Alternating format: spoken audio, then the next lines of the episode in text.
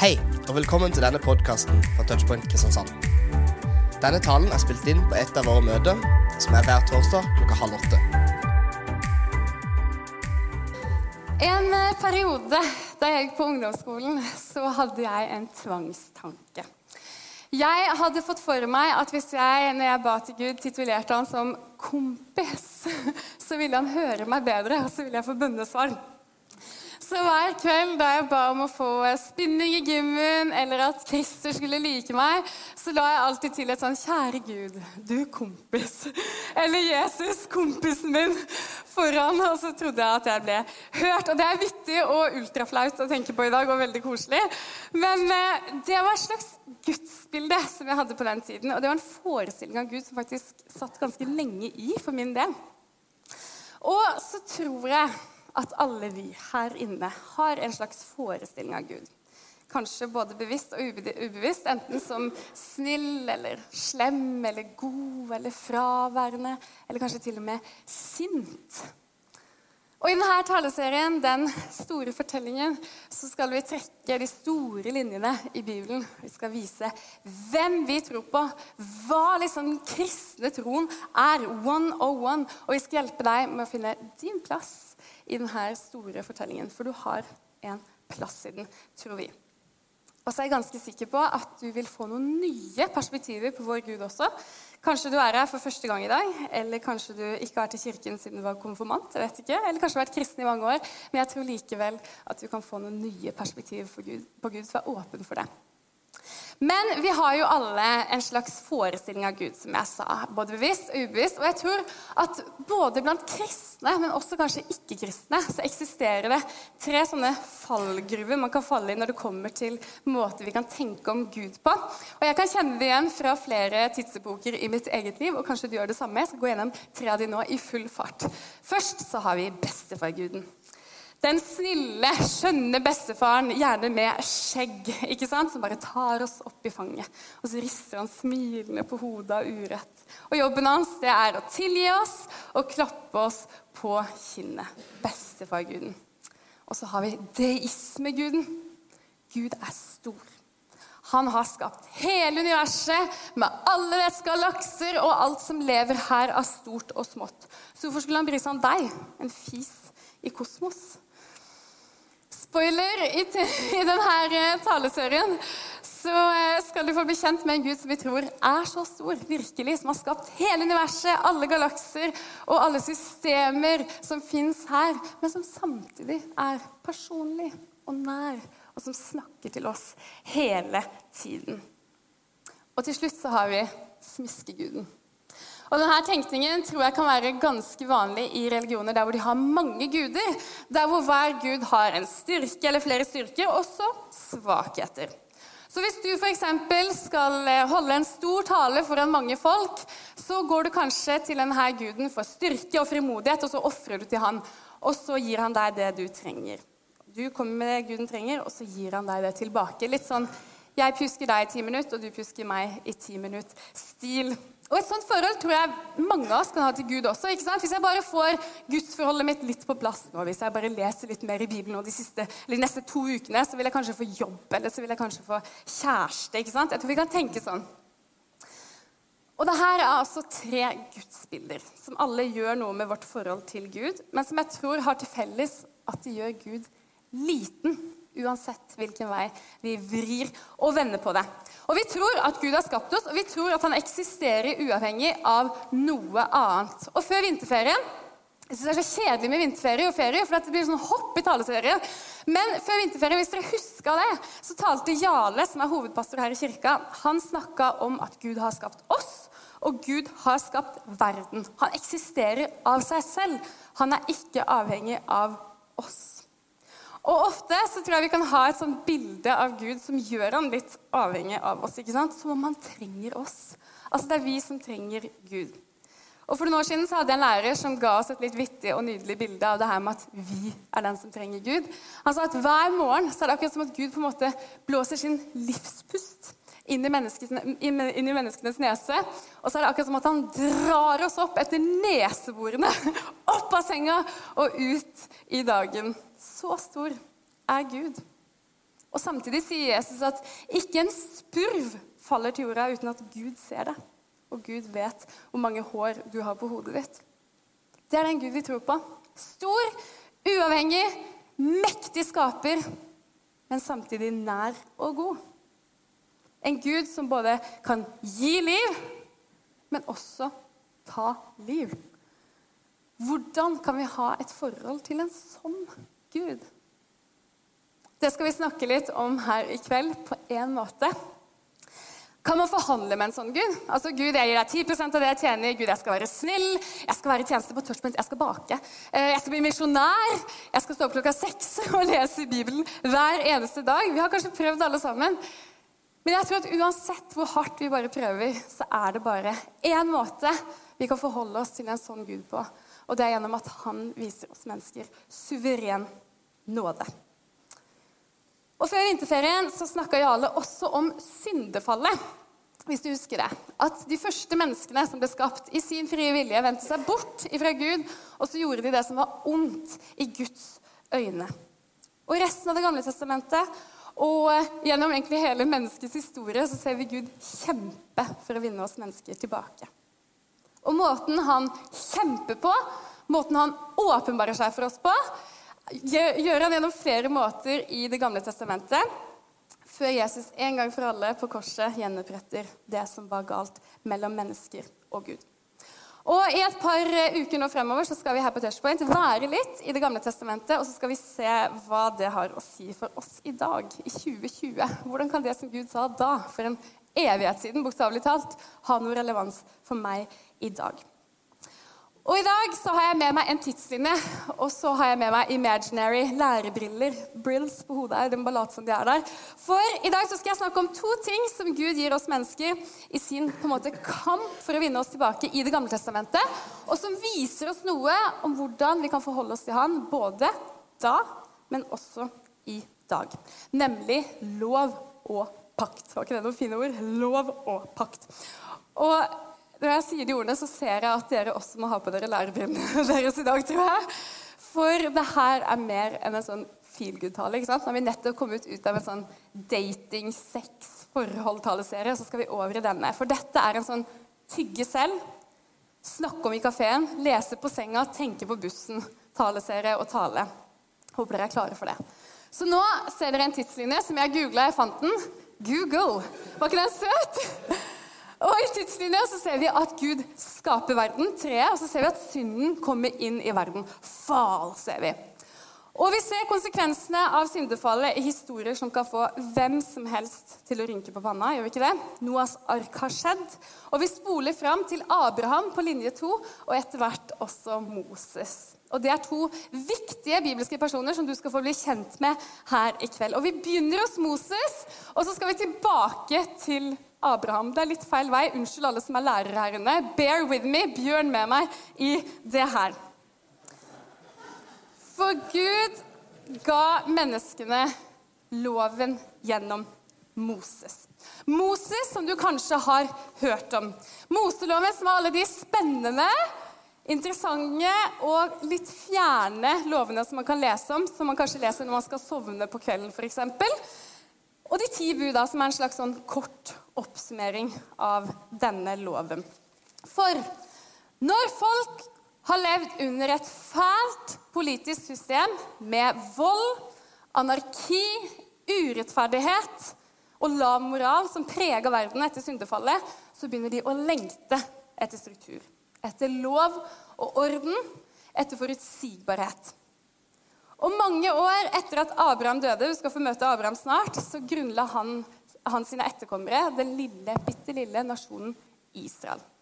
Og hvordan Gud ifølge Bibelen hjalp Israel dit, er full av mange overraskelser og veldig mange interessante ting. Men en stor del av hele den reisen til at Israel ble Israel, er at Gud ga sitt folk loven.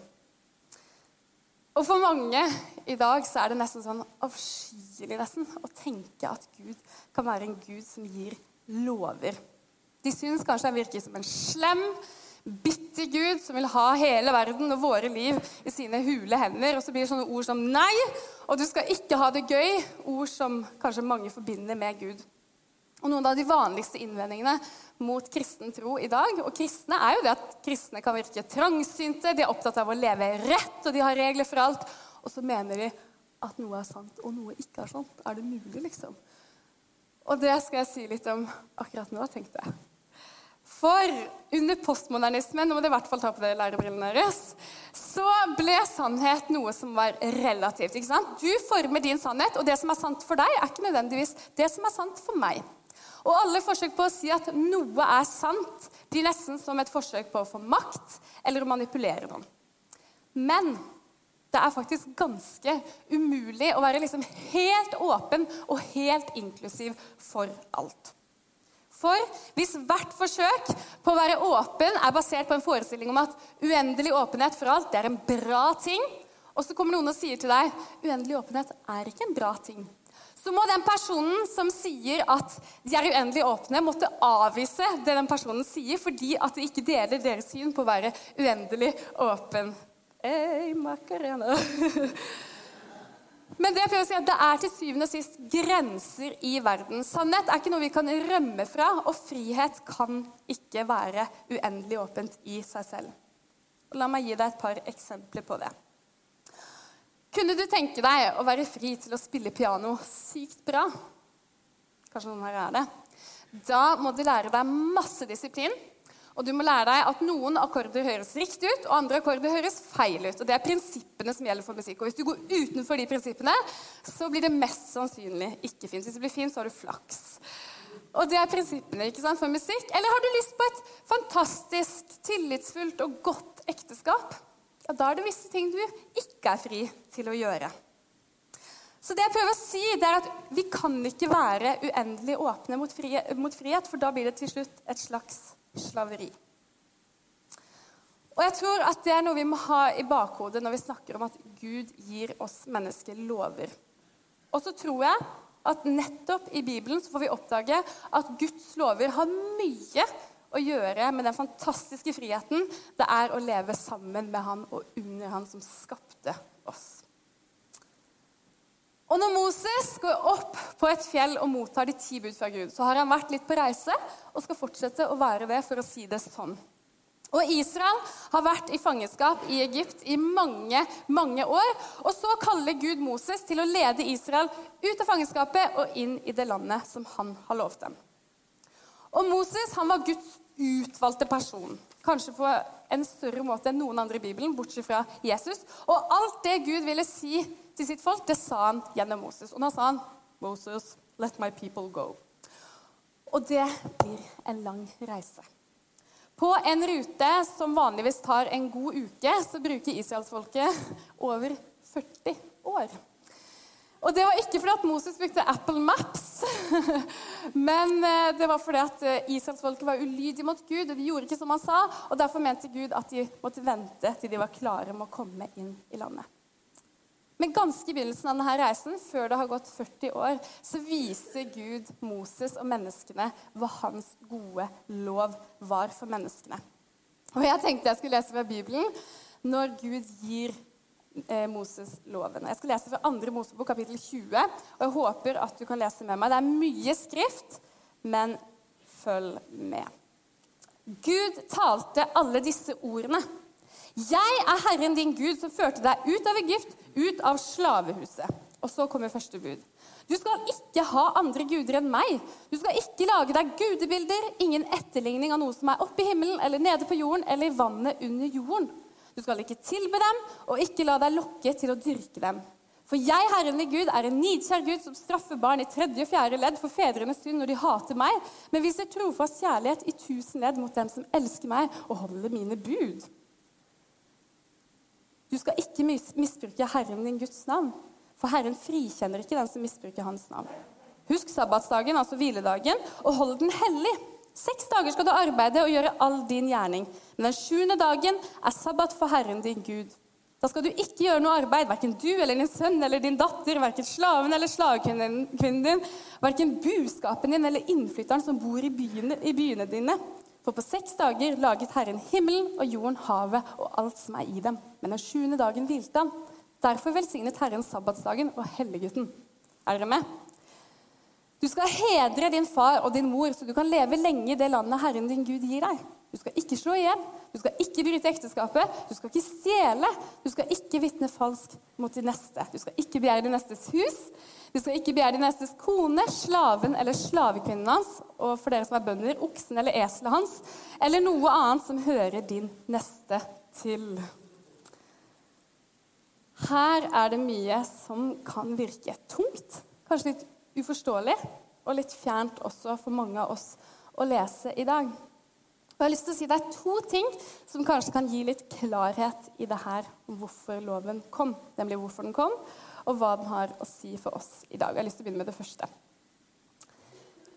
Etter syndefallet og gjennom Abraham, som Breen snart skal få møte, så lover Gud at verden skal bli velsigna gjennom Israel. Han sier at Israel er hans folk, og det er etablert lenge før Israel havner i fangenskap i Egypt. Så ved siden av det løftet som setter Israel på en måte som Guds utvalgte folk, så gir han dem etter hvert loven.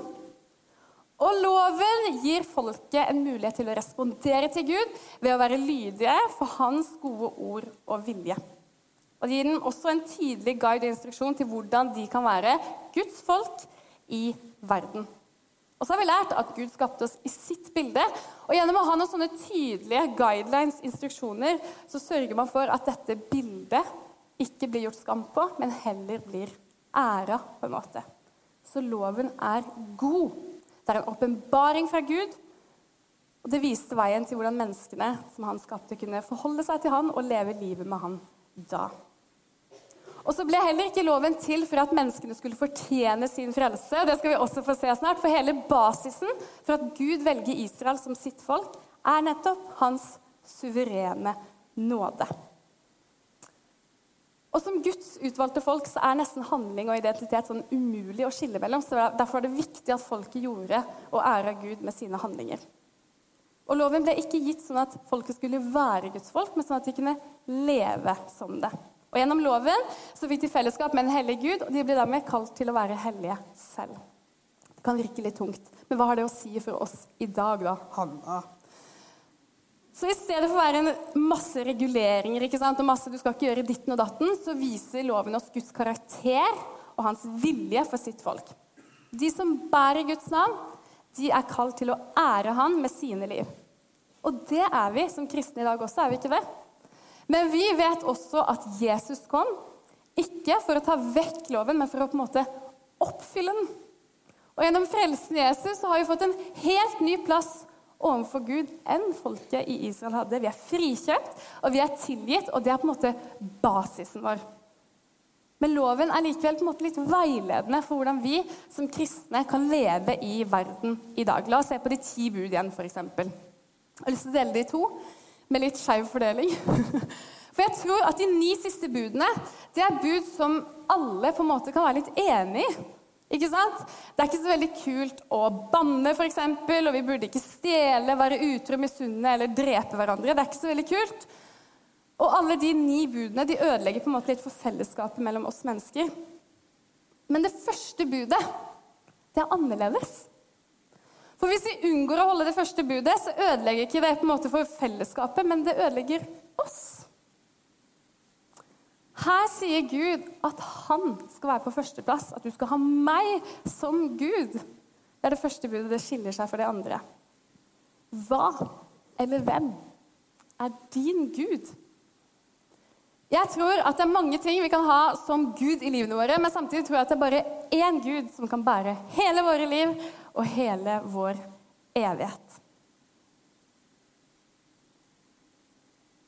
Skal vi se Og vi bytter. Skal vi bytte bilde en fram? Takk. Det er Ernest Kutch. Og han har skrevet en bok om AA, altså anonyme alkoholikere, og deres historie. Og Han kalte boka 'Not God'. Og Han skriver at den viktigste enkeltfaktor for at en alkoholiker skal bli fri, ligger i en innrømmelse av at 'jeg er ikke Gud'. Og så sier han at Det fundamentale problemet for en alkoholiker er at de dypest sett inni seg selv ikke kan innrømme sine begrensninger eller svakheter eller sin falne natur. Litt sånn som sikkert meg og deg også, i hvert fall meg. Og så beskriver han innrømmelsen som de læres til å komme med sånn her. Jeg syns den er litt interessant. Jeg har ikke kontrollen i mitt univers. Jeg kan ikke engang kontrollere meg selv. Jeg lever på tvers av mine egne verdier. Jeg ønsker å gjøre én ting, men jeg gjør noe annet. Jeg har svakhet og begrensninger. Jeg trenger hjelp. Jeg trenger kraft utenfra, fra noe som er større enn meg. Jeg er ikke Gud. Og så vet du det kanskje, men eh, måten de introduserer seg selv på sånne møter, du har sikkert sett det på film, er jo sånn her Jeg heter Bjørn, og jeg er alkoholiker. Og ved å innrømme det, ved å bøye seg, der tror jeg friheten ligger. Du er ikke Gud. Hva eller hvem er din Gud? Det er fantastisk å være forelska. Og det er nydelig og trygt å ha en god jobb, ikke sant? Men gjør aldri jaget etter karriere, etter mer materielle goder, etter relasjoner til din Gud. Da tror jeg du til slutt kan skade både deg selv og relasjonene dine. Først når vi setter Gud på førsteplass, tror jeg at liksom alt det andre kan få komme i rett perspektiv i livene våre. Når vi sier ja til Jesus og får Gud på førsteplass, da tror jeg vi blir virkelig fri i livet. Og det her det setter på en måte de andre budene og egentlig hele liksom, de ti bud synes jeg, i et veldig perspektiv for meg. Og så blir vi ikke frelst ved å holde de ti bud. Det er noen som mener det eller tror det. Vi blir frelst ved å tro på Jesus, ta Han imot som frelser og ha Gud som Gud, og ikke noe annet. Og så synes jeg også og tror at loven viser oss at vi ikke klarer å leve 100% som Gud ønsker for oss mennesker. Vi bomber litt på en måte på målet med å skulle ære Han med våre liv mutters alene. Og dermed blir det ganske tydelig at den eneste måten vi kan forholde oss til en sånn Gud på, er gjennom at han viser oss suveren nåde. Noe han gjør. Og jeg skal lese fra Paulus sitt brev til romerne, for der skriver han mye om loven. Og han skriver Så er det da ingen fordømmelse for den som er i Kristus Jesus. For åndens lov, som gir liv, har i Kristus Jesus gjort meg fri fra syndens og dødens lov. Det som var umulig for loven, siden den sto maktesløs fordi vi er av kjøtt og blod, det gjorde Gud. Det er ganske fint. Så Gud ga sitt folk loven. Ikke for å gjøre livet deres kjipt, på en måte. Ikke for at de skulle gjøre seg fortjent til å være hans folk, men som en guide til hvordan de som hans folk kunne leve i verden. Hvordan de kunne ære han som den han er. Eneste Gud, skaper av himmel og jord, hellig og nær. Og så ser vi menneskene feile i det gang på gang på gang hvis du har lest litt i Det gamle testamentet. Og så ser vi Gud kjempe for å vinne menneskene tilbake hele tiden. Og noen ganger gir Gud løfter for hva han skal gjøre, sånn at menneskene kan lære å stole på han og se framover, på en måte, i hvert fall litt, helt til de ikke klarer det lenger. Og andre ganger så blir de løftene mer formelle. De blir til avtaler, på en måte, mellom Gud og mennesker. Og I Bibelen så kalles de pakter. Og eh, Man kan lese om de mest i Det gamle testamentet, med de store heltene som f.eks. Noah, eller Moses, som vi har hørt om nå, eller Abraham. Og Nå skal vi tilbake i tidslinja vår, og så skal vi gjøre det veldig lite pedagogiske hoppet tilbake i historien. Og så skal vi se på hvordan Gud velger ut sitt folk i sin suverene nåde og gir dem en helt unik plass i hans store fortelling. Vi skal snakke litt om pakt. Da har vi Abraham, og vi skal lese fra kapittel 12 i første Mosebok. At Herren sa til Abraham Navnet hans var faktisk Abraham, så ble det endra. For sånne navneendringer de er symbolske i Bibelen, og de skjer ganske ofte. Og Gud sa til Abraham.: Dra bort fra ditt land og din slekt og din fars hus til det landet som jeg vil vise deg. Abraham hadde vært et sted som ble kalt Ur, og så dro han til en annen by. Og nå sa Gud, nå må du dra til Israel, det landet som til slutt ble det. Og så lover Gud ham nå, så kommer et løfte. Jeg vil gjøre deg til et stort folk. Jeg vil velsigne deg og gjøre ditt navn stort. Du skal bli til velsignelse. Jeg vil velsigne den som velsigner deg, og forbanne den som forbanner deg. I deg skal alle slekter på jorden velsignes. Det er et løfte fra Gud. At Abrahams slekt vil være så mange at de nesten blir umulige å telle. Og at sønnen til Abraham og Sara, kona hans, som eh, denne slekta skal vokse ut ifra, blir født når de er kjempegamle. Altså, De var så gamle. De var 99 år. Og eh, jeg kan skjønne at det er litt sånn rart å stole på. Det blir litt som å si at oldemor på 92 skal bli gravid. Så eh, Abraham han går gjennom mye tvil og usikkerhet når Gud lover han de tingene. Og så prøver han å løse ting litt selv, forkorte ned litt tid ved å ligge med noen som ikke er hans egen kone. Altså Det er ganske messy business. Men Gud holder løftene sine. Og Abraham og Sara får sin sønn. Og gjennom familie etter familie i Det gamle testamentet så ser vi at Gud holder løftet sitt helt til vi får komme inn i det landet som han har lovet dem. Og så er det noe som virkelig synes jeg, stikker seg ut i det løftet her, som kom flere tusen, for flere tusen år siden. Og det er når Gud sier til Abraham at hele verden skal velsignes gjennom ham. på en måte. Det er ganske bold statement, Gud. Og så blir dette løftet noe mer enn et løfte. Det blir til en pakt, en formell avtale. Jeg skal lese fra kapittel 17 i første Mosebok. Du må gå hjem og lese der på senga etterpå hvis du syns det går litt fort. Og Der sier Gud til Abraham, nå han var 99 år, 'Jeg er Gud den allmektige. Lev for mitt åsyn, vær hel i din ferd.' 'Jeg vil opprette en pakt mellom meg og deg og gjøre din ett umåtelig stor.' Da kastet Abraham seg ned med ansiktet mot jorden, og Gud sa til ham, Se, jeg slutter en pakt med deg. Du skal bli far til mange folk. Du skal ikke lenger hete Abraham, men Abraham skal være ditt navn, for jeg gjør deg til far for mange folk. Så sa Gud til Abraham, du skal holde min pakt, både du og dine etterkommere fra slekt til slekt. Dette er den pakten dere skal holde, pakten mellom meg og dere og etterkommerne dine. Alle menn og gutter hos dere skal omskjæres. Det var pakten. Og eh, i slutten av kapittelet, i vers 23, som er der, så leser vi at Abraham omskar alle guttene i familien sin. Skikkelig fest. Så eh, Og her eh, Her ser vi en ordentlig paktstruktur. Et løfte, på en måte. Og vi kan lese mer om pakten og hvordan den skjer litt tidligere i Bibelen. I vers 8 at Abraham sier til Gud Herre min Gud, hvordan kan jeg få vite at jeg skal få det til eie? Altså, Hvordan kan jeg vite at du holder din side av saken, det du lover? For det er ganske sprøtt å si til noen Runar, gjennom deg skal hele jorda velsignes. på en måte. Jeg skjønner at han, ikke, at han sliter litt med dem. Men så sier Gud noe veldig interessant. Følg med. Hent meg en treårs krige, en treårs geit og en treårs vær, en turteldue hvis det var dyr en gang, og en dueunge. Abraham hentet alt dette til ham, skar dyrene over på midten og la det ene stykket av hvert dyr rett imot det andre. Men fuglene skar han ikke over. Rovfugler slo ned på de døde dyrene, men Abraham jaget dem vekk. Da solen var gått ned og det var blitt stummende mørkt, viste seg en rykende ovn og en flammende lue som for fram mellom kjøttstykkene. Den dagen sluttet Herren en pakt med Abraham. Når vi snakker om pakter i dag, så er det på en måte ikke akkurat sånn her det snakkes om. Og for en dyrevenn som meg så er det ganske sterk kost å lese det her.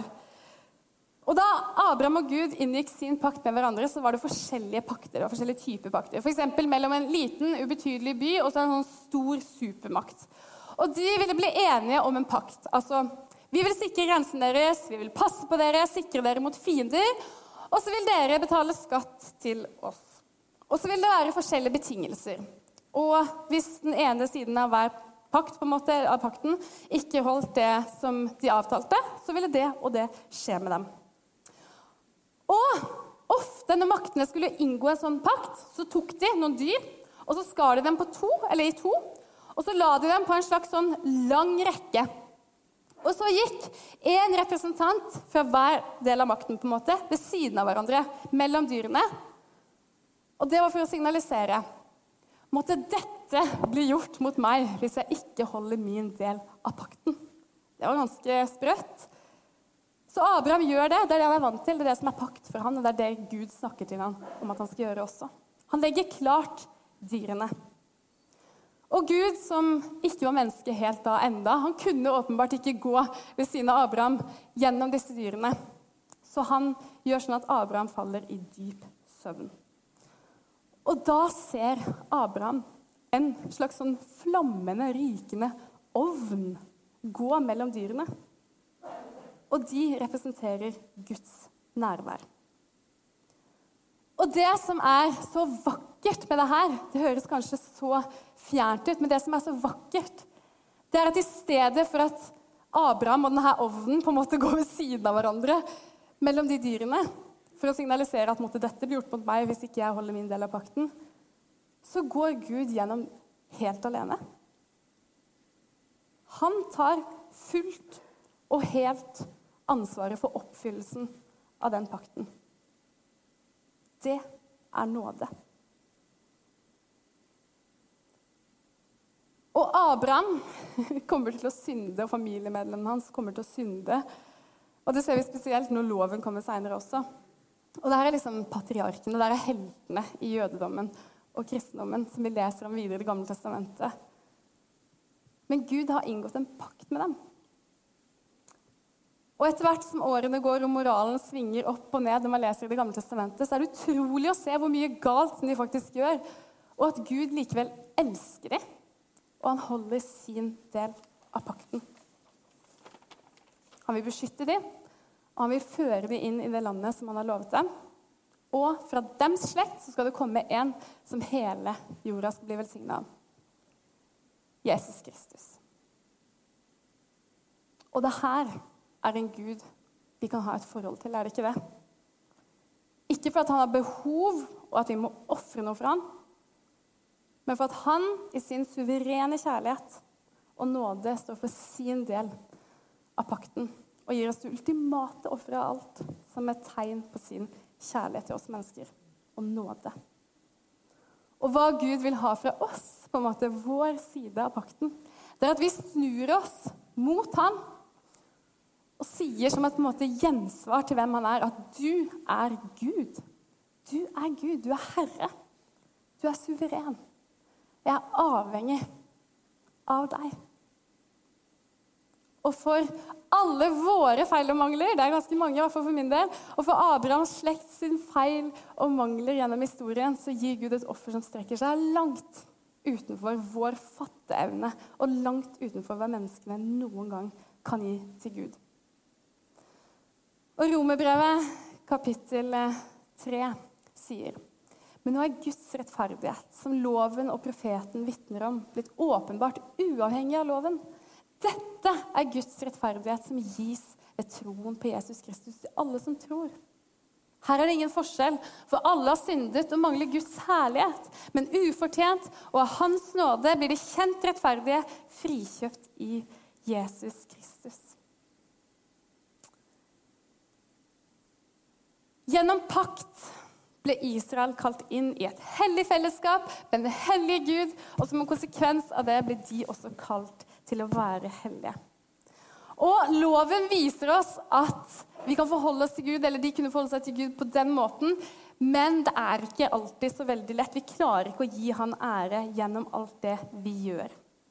Og i Guds store fortelling, helt i begynnelsen, som vi er nå, så ser vi at selv om Gud er stor, uavhengig, skaper, så gir han oss mennesker helt fra syndefallet, helt fra begynnelsen, uansett hvor mye galt vi gjør, flere måter som vi kan forholde oss til Han på helt til slutt, før han gir sin egen sønn som den største, evige pakten, og som gjør at vi frimodig kan få tilbe han sammen, til tross for at vi er vet ikke, hverdagsmennesker på godt og vondt. Og videre de neste torsdagene her på Touchpoint så skal vi reise gjennom Bibelen videre. Og vi skal snakke om sikkert ting som er litt lettere enn dette, og kanskje ting som er tyngre enn det også. Og vi skal få se flere måter som Gud åpenbarer seg for oss menneskene på. Og vi skal få bli bedre kjent med han og hans store fortelling. Og jeg håper du gleder deg. Jeg gleder meg for veldig mye. Skal vi be sammen? Kjære, gode, store Gud. Jeg takker deg for at eh, du som sitter i det høye, du hører våre små bønner Våre små sukk som ingen andre hører.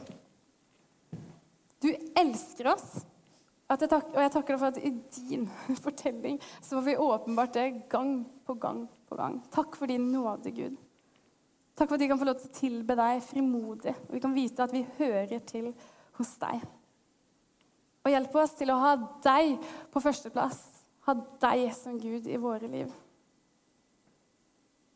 Jesus, du er her. Du var her før oss. Og du står med åpne hender. Og så vil jeg at vi skal komme til deg med alt som er godt og alt som er vondt, og legge det hos deg, for du elsker oss. Takk for at du tok et oppgjør med synden en gang for alle på korset. Sto opp igjen fra døden, sånn at vi aldri mer kan få tvile på hvem vi er i deg, og vi trenger ikke være redde for hvor vi skal tilbringe vår evighet. Jeg takker deg for det, Jesus. Og mens vi ber nå, så vil jeg bare si at jeg tror det i kveld er mange her inne som trenger å si til Gud, kanskje på nytt, på nytt, at du, Gud, du er min førsteplass. Hjelp meg til å ha det der. Sorry for at du ikke har vært det på en stund. Og jeg oppfordrer deg til å gjøre det i lovsang og til å gjøre det i bønn etterpå også. Og så tror jeg at det er noen for, kanskje for første gang som trenger å få muligheten til å si at du er Gud, du er Herre, vær min. Og gjennom å ta imot Jesus som din frelser, så gjør du nettopp det. Og Bibelen sier at alle har synda mot Gud, og alle trenger å få sin sak i orden med Gud. Og det gjør vi gjennom å ta imot Jesus som Herre i våre liv. Du skal snart få muligheten til det. Så kan ikke bare alle lukke øynene og bøye hodene i respekt for de som sitter ved siden av seg. Og de her på scenen de gjør det samme, og de snur seg. Hvis du ønsker å ta imot Jesus som frelser i ditt liv, ha han på førsteplass for første gang, så kan du få lov til å rekke opp en hånd, og skal jeg ta deg med i en bønn etterpå. Hvis du ønsker å ta imot Jesus. Og det å rekke opp hånda, det er bare en, et fysisk standpunkt, på en måte. Det er bare mellom deg og Jesus. Se hånda di. Kom og ta den ned. Det er bare å rekke opp en hånd, og så skal vi be en felles bønn etterpå hvis du ønsker å ta imot Jesus. Hvis du rakk opp hånda nå, eller har lyst til å si til Gud at du, Gud, du er min førsteplass, så kan du be den bønnen her sammen med meg inni deg. Og hvis du tok imot Jesus, så kan du komme inn på bønnerommet etterpå. Jeg skal vise deg hvor det er. og Lovsangerne skal vise deg hvor det er. Og så er det åpent fra neste sang. skal du få en bibel, og der er det folk som har lyst til å be med deg og snakke med deg hvis du trenger det. La oss be. Kjære Gud, takk for at du ga din egen sønn, som døde og sto opp igjen for mine synder. Takk for at du tilgir meg i Jesu navn og gi meg din Hellige Ånd, så jeg kan leve livet mitt hver dag, de gode, de vonde dagene med deg, Jesus. Takk for at du velsigner meg, og takk for at du gir meg en ny retning i livet som er på din vei. Vær min førsteplass. Nå er jeg frelst, nå er jeg født på nytt, og Jesus, jeg vil leve livet mitt for deg. Amen.